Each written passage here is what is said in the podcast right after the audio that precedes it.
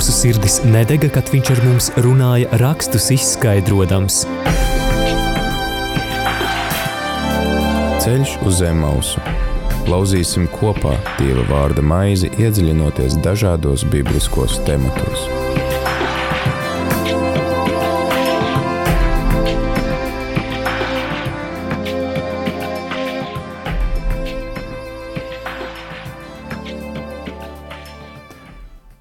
Esiet sveicināti, radījuma arī klausītāji, raidījumā Ceļš uz Zemausu. Tiekamies jau otro reizi šajā jaunajā gadā, lai turpinātu lasīt Dieva vārdu un iepazītu Dievu caur viņa izteikto vārdu. Un pagājušajā reizē mēs lasījām skaitļu grāmatu, Un uh, pabeidzām lasīt uh, skaitļu grāmatas, jeb ceturtās mūzus grāmatas pēdējās lapuses. Šo grāmatu aizvērām, lai šodien ieskatītos jau atkārtotā likuma grāmatā. Kā parasti šajā ceļojumā dosimies uh, mēs, klausītāji, uh, tu un es diekons Gati Savotiņš, un kādā no raidījumiem noteikti būs arī kāds viesis, kas mums šajā ceļā palīdzēs un vairāk skaidros no sava redzes punkta kādus atsevišķus šīs grāmatas fragmentus.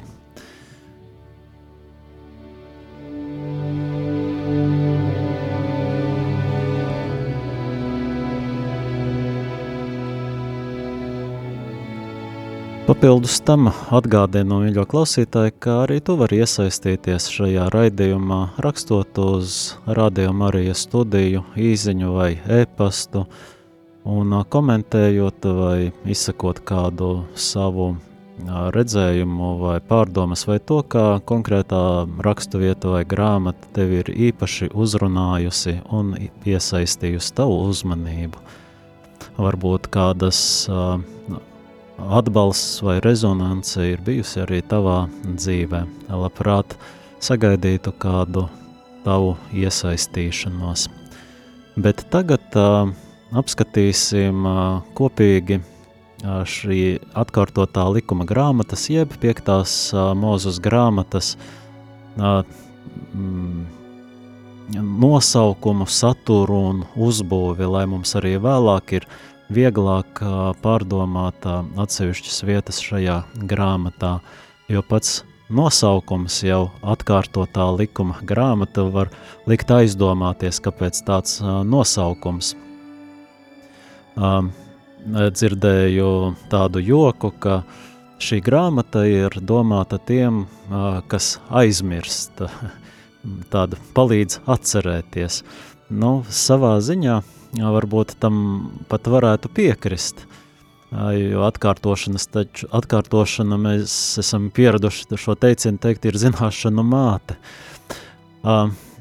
Bet Toras, jeb Pentateiha pēdējās grāmatas nosaukums ebreju valodā ir devārīm, kas nozīmē vārdi. Grieķu valodā tas nozīmē uh, deuteronomion. Tas veidots no vārdiem deuteros, otrs jeb atkārtots un nomus likums. Un šis nosaukums savukārt ir saistīts ar šīs grāmatas 17. nodaļas 18. pantā minēto, kur Septuagintas tulkojumā lieto šo apzīmējumu atkārtots likums – Tas nozīmē nu, tād kā atkārtots pieraksts vai rīkojums.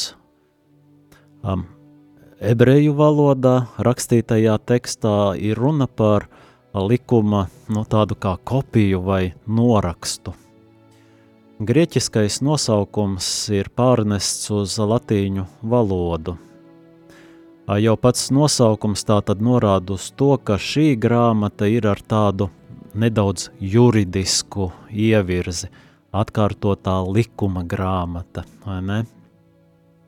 un tajā pārsvarā atkārtoti un aktualizēt iepriekšējās grāmatās sniegtie priekšstati un rīkojumi.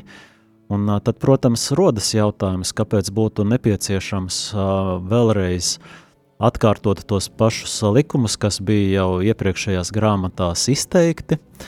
Um, jo, ja skatāmies uz uh, Toru, uh, Pentateihu kopumā, mēs redzam, ka centrālā uh, kodols visām grāmatām ir šī izceļošana no Ēģiptes, kas um, dažādās veidos tiek visu laiku aktualizēts, atgādināts, pārdomāts, um, uz kuru skatās uh, kā stiprinājumu, kā iedrošinājumu, kā veidu, kā paļauties. Un no šī notikuma izstaro uh, visas pārējās grāmatas, kas uh, tikai kaut ko papildina un uh, palīdz uh, labāk izprast uh, šo lielo notikumu, kurā Dievs ir darbojies uh, cilvēku dzīvē, lai uh, spētu labāk apdomāt. Nu, piemēram, ja mēs skatāmies šodien, tagad mēs jau arī nemitīgi skatāmies uz Jēzus dzīvi, un uh, jau 2000 gadu viņa pārdomājot, meditējot par Jēzus dzīvi, mēs aizvien atklājam to, ka viņa darbība um, bija uh, aktuāla un auglīga ne tikai tajā laikā, kad viņš dzīvoja, uh, bet arī mūsu dzīvē, šobrīd, tagad. Jēzus ir klātesošs ar mūsu dzīvēs jau vēl tagad. Tās nav vienkārši atmiņas. Un tāpēc arī šie notikumi, kas notika Izrēļa tautas dzīvē, viņi arī bija aktuāli un klātesoši tālākajās viņa darbībās, rīcībā, kuras nemitīgi vajadzēja atkārtot, un ar katru atkārtošanu uh, vairāk varēja izprast un padziļinātāk saprast šo dieva klātbūtni un rīcību. Un principā, ja tā īsos vārdos teiktu, tad šķiet, ka atkārtotā likuma grāmata caur to, ka tiek no jauna mm, dots tāds atskats iepriekšējā, līdz šim esošajā, esošajos notikumos, ļauj labāk, vēl labāk iepazīt uh, Dieva klātbūtni un Dieva darbību, uh, paskaidrojot, uh, paskatoties no cita skata punkta varbūt, jo atkārtotā likuma grāmata noslēdz stāstījumu un uh, likumu apkopojumi no ļoti gara laika posma, no pasaules radīšanas līdz mūzus nāvei. Un līdz ar to šī grāmata veido, tiek veidota kā tāda mūzus atvadu runa. Kad lasījām skaitļu grāmatu pēdējās nodaļās, mēs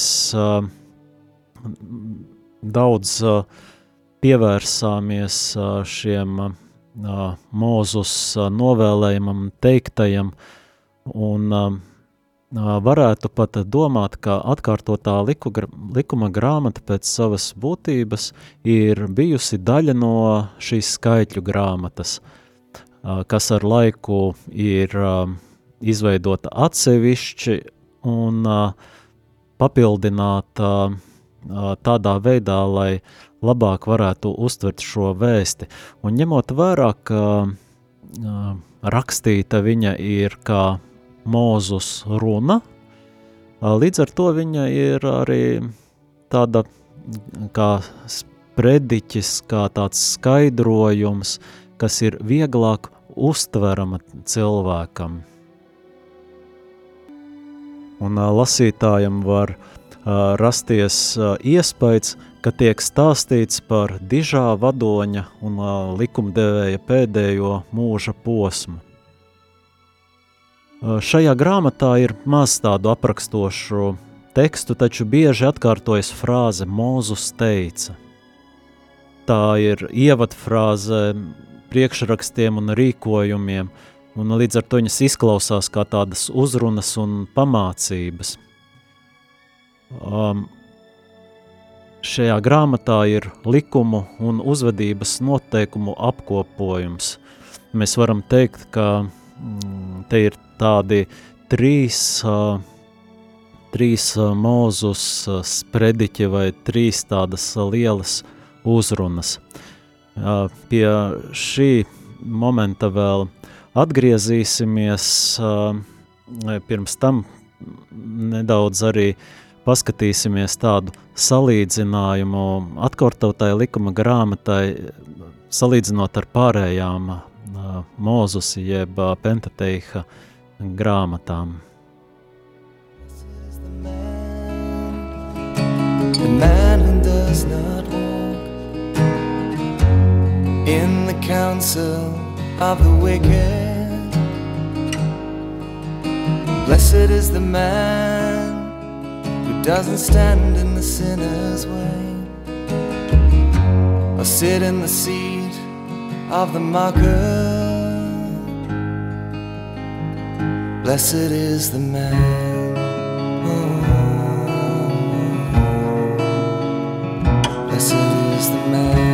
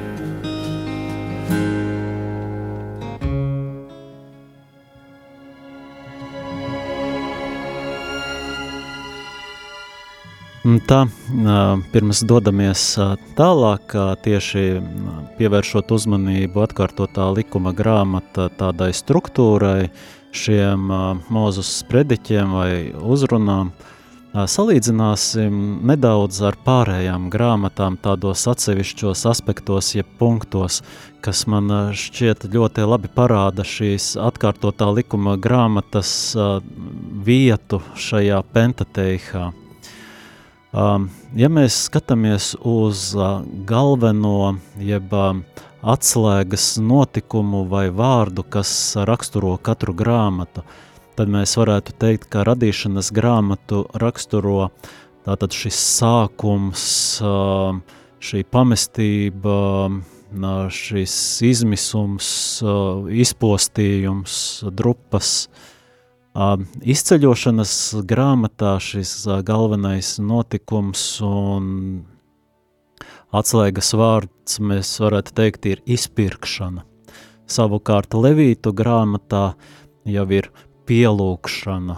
Um, tālāk skaitļu grāmatā um, mēs varētu teikt, ka šis atslēgas vārds ir šis uh, ceļojums tuksnesī, tāds klejošana, uh, savukārt atkārtotā likuma grāmatā atslēgas notikums, jeb atslēgas ideja, doma ir atjaunota derība.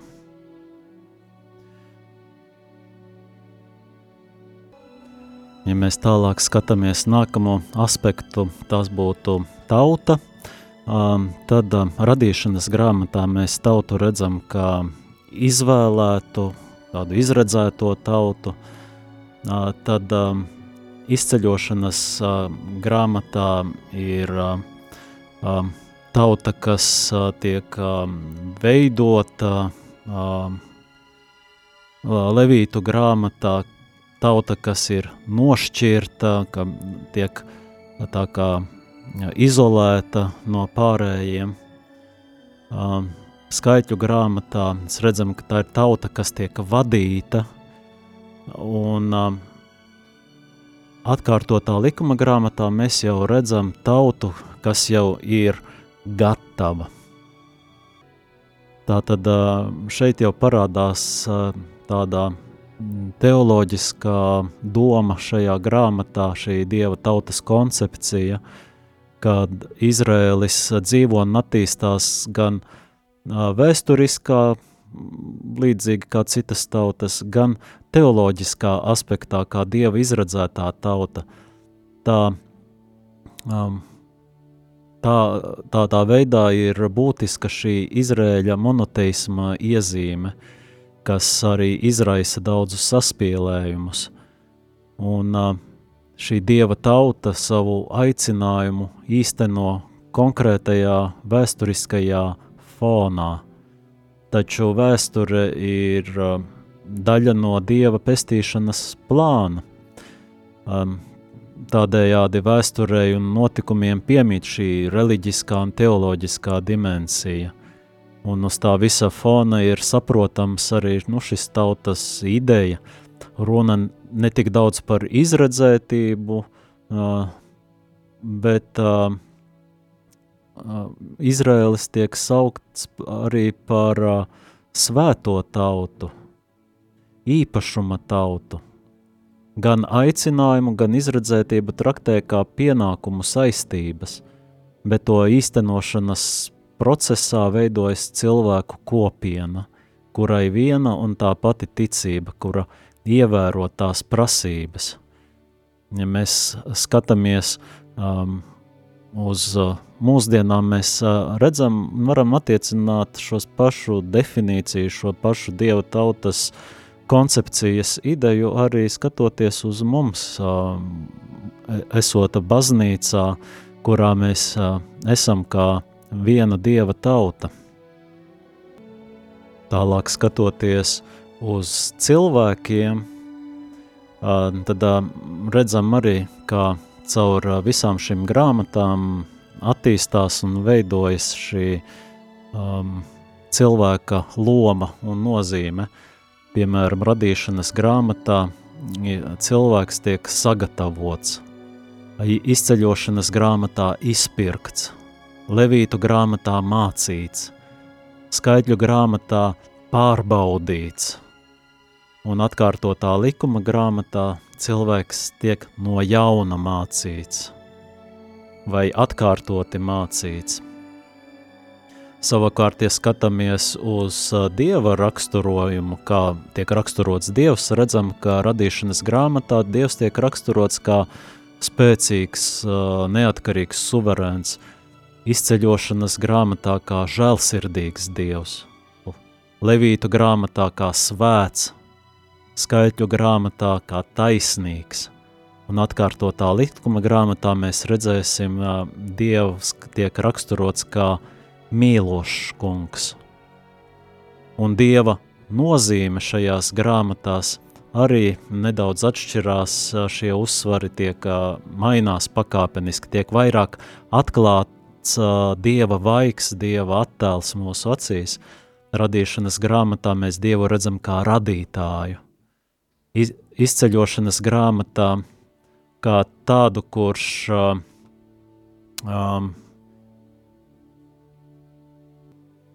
kā tādu, kurš ved, kurš nogādā līdz galam, Levītu grāmatā kā svētdarītāju, Skaitļu grāmatā mēs redzējām Dievu kā apgādnieku, kurš rūpējas par savu tautu, un atkārtotā likuma grāmatā mēs um, Dievu redzēsim kā um, to, kurš apbalvo, kurš atlīdzina par uzticību. Un šīs Dieva pavēles, jeb to, kas tautai būtu jādara, katrā grāmatā arī iz, izskan savādāk. Radīšanas grāmatā mēs varam teikt, ka Dieva pavēle ir apmēram tā varētu saukt, lai tur ir. Um, izceļošanas grāmatā uh, laida manus, uh, ļauj maniem cilvēkiem iet. Levītu grāmatā esi svēts. Skaitu grāmatā ieej, ja, stāvot pie Moabas līdzenamo pirms apsolītās zemes liekšiņa, Dievs saka, ieej apsolītā zemē.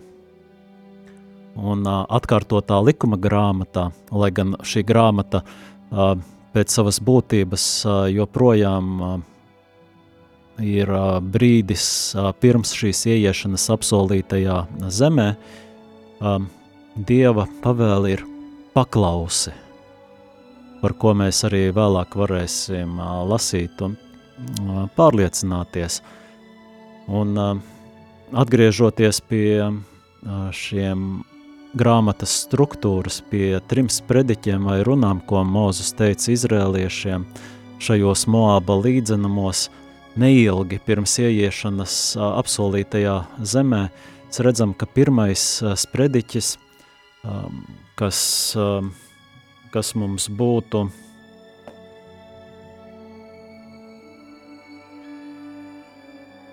no pirmās nodaļas līdz 4. nodaļas 43. pantam stāsta, jeb atskatās par 40 tuksnesī pavadītajiem klejojuma gadiem, kas bija noveduši līdz šim brīdim un beidzās ar pamudinājumu ievērot likumu. Tātad atkal mēs redzēsim šo atskatu par šo garo ceļojumu. Otrais sprediķis būtu no 4. nodaļas 44. panta līdz 28. nodaļas 69. pantam atgādina izrēliešiem par nepieciešamību sekot Jahvem un likumiem, ko viņš tiem ir devis, no kā ir atkarīga viņa piederība zemē. Principā um, šī otrā uzruna ir uh, uh, grāmatas kodols, uh, kuru sauc arī par Deuteronomisko kodeksu. Um, Deuteronomiskais kodeks um, vēl sašaurinot, um, mēs varam uzskatīt, ir no 5. līdz 28. nodaļai. Un uh, to ievada uh, šis uh, desmit baušļu nu, otrais variants – jeb tāpat kā izceļošanas grāmatā. Šajā daļā ietvertais likumu apkopojums izceļas ar savu lakonismu, un um, tajā izceļas savukārt šīs uh, vairākas tēmas, šo uh, vēsturisko ievadu, um, tas ir no 5. līdz 11. nodaļai, Tad no 12. līdz 26. nodaļai ir šī galvenā daļa, baušļi un priekrak, priekšraksti, kas skar dažādus ticīgo kopienas. Un savukārt 27. līdz 28. nodaļai ir runa par svētību uzticības gadījumā un lāstu par neusticību. Un šī visa struktūra atspoguļo derības būtību. Ja Līdzīga struktūra ir arī dekalogam. Savukārt trešais sprediķis, kas mums sanāk tālāk no 29. nodaļas līdz 32. pantam, sniedz mierinājumu, ka pat tad, ja Izraēlis izrādīsies neusticīgs un zaudēs zemi, ar grēku nožēlošanu visi var tikt atjaunoti. Un šīs trīs uzrunas, protams, nav visa atkārtotā likuma grāmata, vēl ir pēdējās četras nodaļas, kas ir nu, atsevišķas, viņas ir kā mūzus dziesma, tad tiek dot šī mūzus svētība un vadības nodošana Jozoam, un visbeidzot grāmatas noslēgumā būs apraksts par Mūzus nāvi Nebo kalnā.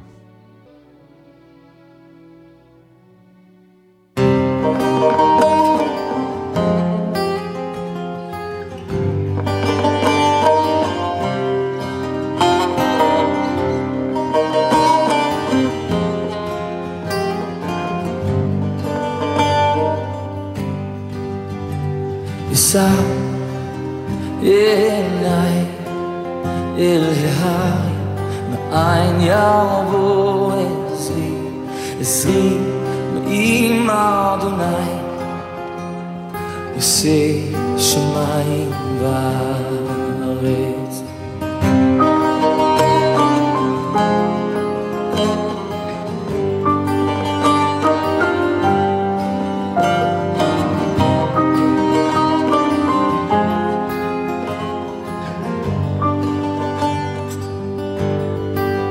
אל יתן למות רגלך, אל ינום שומריך. הנה לא יענו, לא יישן שומר ישראל.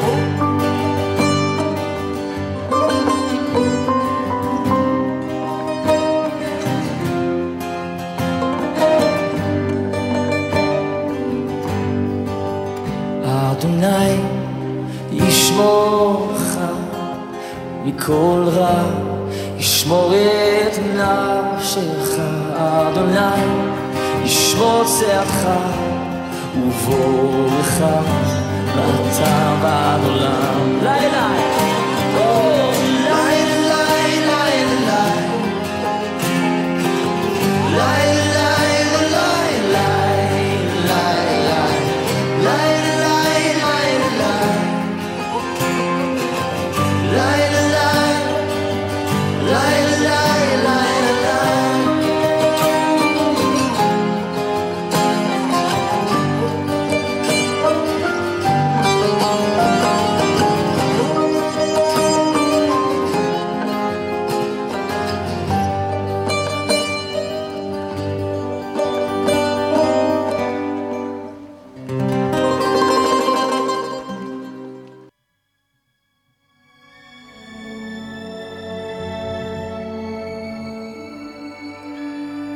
Turpināsim tālāk apskatīt uh, atkārtotā likuma grāmata struktūru, un, uh, protams, uh, ir jārunā par deuteronomisko kodeksu, kas ir šīs grāmatas, šis kodols, un ap viņu vēlāk izveidojas visa grāmata, jo šis teksts tika glabāts kā liecība par derību, kas tika noslēgta Sinaja kalnā un atjaunota ieejot Kanānas zemē.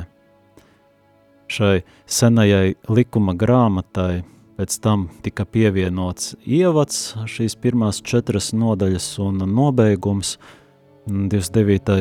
līdz 32. pants, kas ietver šīs um, derības Moābā aprakstu, Mūzus doto svētību un nāvi. Um, un ja visu grāmatu kopumā varam dēvēt par deuteronomiju, tad šis uh, teksts, šis kodols no 5. līdz 28. nodaļai varam saukt par pirms deuteronomiju, kam vēlāk pievienots šis ievads un nobeigums. Um, principā zinātnieki, kas ir pētījuši šo grāmatu, uzskata un datē nedaudz vēlāk starp 7. un 5. gadsimta pirms mūsu ēras. Un autori iespējams bija Levīti, grupā Levītu, kurus arī dēvē par deuteronomiem, deuteronomistiem, kuri šajā grāmatā atspoguļoja šīs ekonomiskās un vajadzības un sociālos statusu. Um, 8. gadsimta beigās pirms mūsu ēras uh, gan Jūda, gan Izrēla bija Asīrijas uh, varā, viņi bija kā vasaļi. Un uh, Izraēlis sacēlās un tika iznīcināts ap 722. gadu pirms mūsu ēras. Un bēgļi, kas no Izraēlas uh, bēga uz Jūdu, uh, atnesa sev līdzi vairākas tradīcijas, kas jūdijai bija jaunas. Un viena no šīm tradīcijām, ja pārliecībām, bija tā, ka Dievs, Jahve, kas jau bija pazīstams un pielūgts jūdā, nebija tikai vissvarīgākais no dieviem, bet vienīgais dievs, kuram jākalpo. Un šī, šis skatu punkts, šī perspektīva ietekmēja jūdas zemes īpašnieku šo valdošo šķiru, kas kļuva ārkārtīgi spēcīga pēc astoņus gadus vecā ķēniņa Josijas nākšanas tronī, pēc viņa tēva Amona slep, slepkavības. Tātad mēs runājam par laiku, par ķēniņa Oseja valdīšanas laiku, un ķēniņš Oseja tika tronī likts jau no astoņu gadu vecuma, bet neskatoties uz to viņa valdīšanas laikā, kad tika Jeruzalemes svētnīcā veikti remontdarbi, tika atrasts šis šī grāmata, šis deuteronomiskais kodols, un pēc tam Josija uzsāka pilna mēroga pielūgsmes reformu, pamatojoties uz šo bauslības grāmatu, kas tātad izpaužas kā derība starp jūdiem un Jahvi. Lai savā ziņā aizstātu gadiem ilgo veco uh, vasaļu līgumu starp Asīrijas ķēniņu Esharhadonu, Esarhadonu un Jūdas ķēniņu Manesu. Nākamais posms no šī vēsturiskajā notikumā bija, kad Izraela nonāca Babilonijas gūstā. Jūdas karalistes iznīcināšana – Babilonā 586.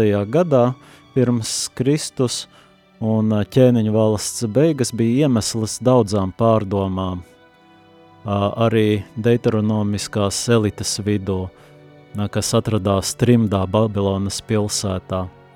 Un domājams, ka tika uztverta šī katastrofa kā dieva sots par to, ka viņi neievēro likumu. Tāpēc izveidojas šī Izraēlas vēsture caur grāmatām, lai to ilustrētu. Un trimdas beigās, kad persieši vienojas, ka jūdi var atgriezties un atjaunot Jeruzalemes templi, Deuteronomija tika padarīta par šīs vēstures tādu kā ievadgrāmatu, lai stāstītu par tautu, kas gatavojas ieiet apsolītajā zemē, kļūtu um, par tautu, kas gatavojas atgriezties šajā zemē. Un kā jau uh, pirms mirkļa arī uh, redzējām to, ka ienesot uh, jaunu tradīciju vai izpratni par Dievu kā vienīgo Dievu, tas arī kļūst par tādu pamatu un balstu tieši jūdu ticībā. Un faktiski tas ir nozīmīgākais pants uh, atkārtotā likuma grāmatā, mēs lasām sestās nodaļas ceturtajā pantā. Klausies Izrēlu, kungs mūsu dievs ir viens kungs, mīli kungu savu dievu ar visu sirdi, ar visu dvēseli, ar visu spēku. Un uh, tas paliek kā galīgais ebreju identitātes paziņojums, kā augstākais bauslis, kuru arī Jēzus vēlāk citēs Marka evaņģēlijā.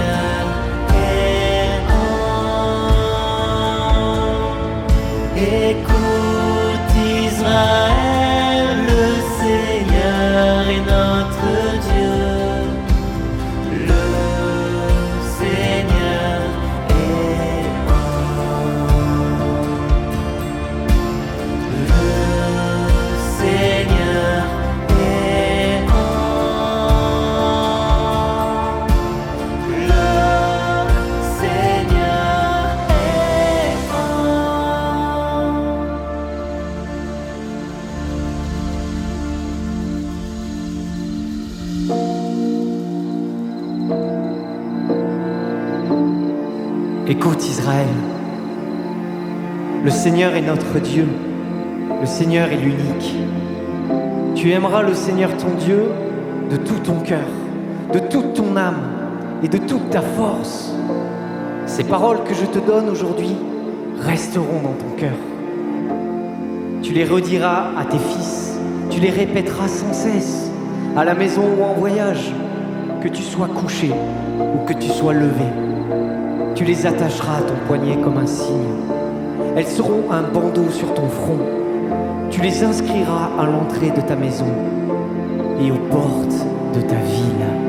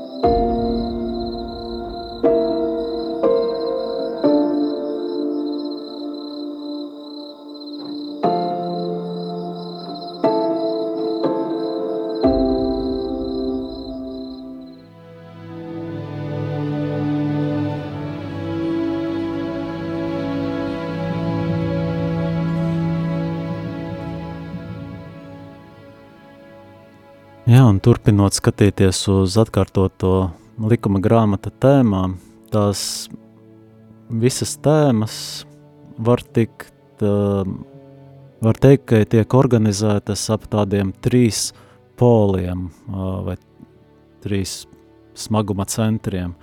Tas ir Izraēlis, Jahve un derība, kas tos saskaita, sasaista kopā.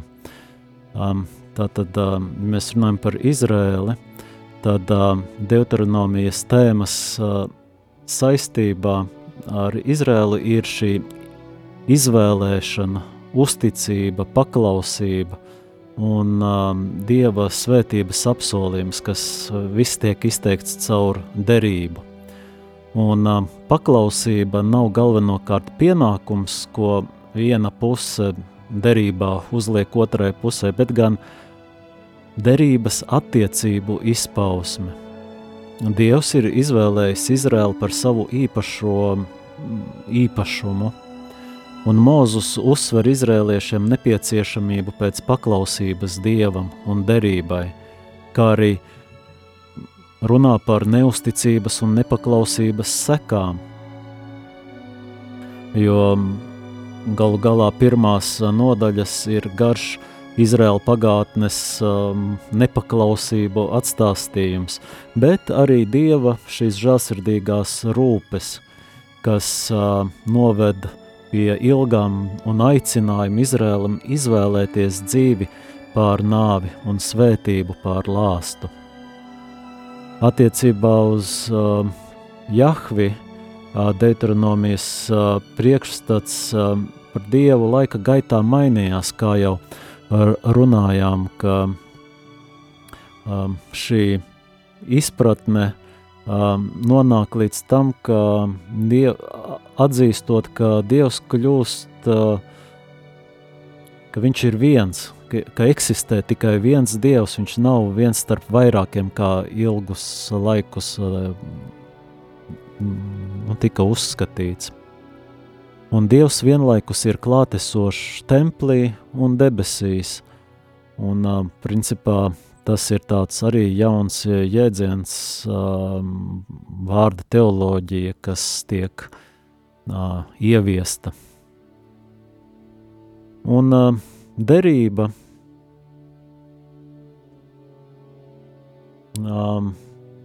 šis atkārtotā likuma grāmatas kodols ir derība, kas saista Dievu un Izrēlu ar uzticības un paklausības zvērstiem. Dievs dos Izrēlam svētības, um, auglību, labklājību, tik ilgi, kamēr būs uzticīgi mācībai, savukārt nepaklausība, kas novedīs pie lāstiem un soda, bet um, grāmatas autoru doma ir ka Izraēla galvenais grēks ir ticības trūkums un atkrišana. Taču derība starp dievu un tautu viņa ir dzīva. Izraēla tautu Mozus uzrunā kā, nu, kā vienotību, ka viņu uzticība derībai nav apsēstība, bet tas nāk no jau iepriekš pastāvējušām attiecībām starp Dievu un Izrēlu, kas nodibināta kopā ar Abrahamu, apliecināta ar izceļošanas notikumiem. Un tā kā šie likumi, atkārtotā likuma grāmata, likumi norādītie likumi, kas atdala Izraēlu tautu, norādot uz šo, šīs tautas nācijas unikālo statusu. Un zeme ir Dieva dāvana Izrēlam. Un daudzie likumi, svētki un instrukcijas šajā atkārtotā likuma grāmatā ir doti, ņemot vērā šo Izraēlas ienākšanu apsolītajā zemē. Noslēgumā mēs varam vēl pievērst uzmanību, redzēt šo ietekmi, kā šī atkārtotā likuma grāmatas ietekme, protams, ir manāma gan jūdaismā, gan kristietībā, jo šis pāns klausies Izraēlu, kuru dziesmu mēs arī tikko pirms mirkļa dzirdējām. Tā jā, tas identificējas arī ar centrālo jūdu jēdzienu par dieva mīlestību un no tā izrietošo atlīdzību. Savukārt kristietībā um, Mateja evaņģēlijā Jēzus uh, citē šo kā augstāko bausli. Un uh, Agrākie kristiešu autori to interpretēja kā atkārtotās likuma grāmatas pravietojumu par Izraēlu atjaunošanu un ka tā piepildās Jēzu Kristu un kristīgās baznīcas nodibināšanā. Ar šo mēs arī varētu šodien noslēgt mūsu ceļojumu atkārtotās likuma grāmatas apskatā. Nākamajā reizē jau sāksim lasīt no pirmās nodaļas, ko aicinu arī jūs jau pārlasīt, lai būtu vieglāk sekot līdzi un varbūt pārdomas, par kurām runāsim šeit studijā, ļautu jums vairāk iesaistīties un Varbūt jums radīsies savas pārdomas, komentāri, ar kuriem aicinātu arī jūs padalīties, sūtot kādas ziņas uz Radio Marija studijas īziņu vai uz e-pastu. Protams, daudz kas tika neizrunāts, bet lasot atkārtotā likuma, jeb piektās mūzes grāmatu no nākamajām reizēm, gan jau paspēsim arī apskatīt tās nianses vai apstākļus, kurus šodien nepaspējām. Lai svētīga jums diena un tiksimies jau drīz pavisam nākamajā reizē. Kopā ar jums šajā raidījumā biju es, Diekons Gatis Avotiņš. Ceļš uz zemes mausu.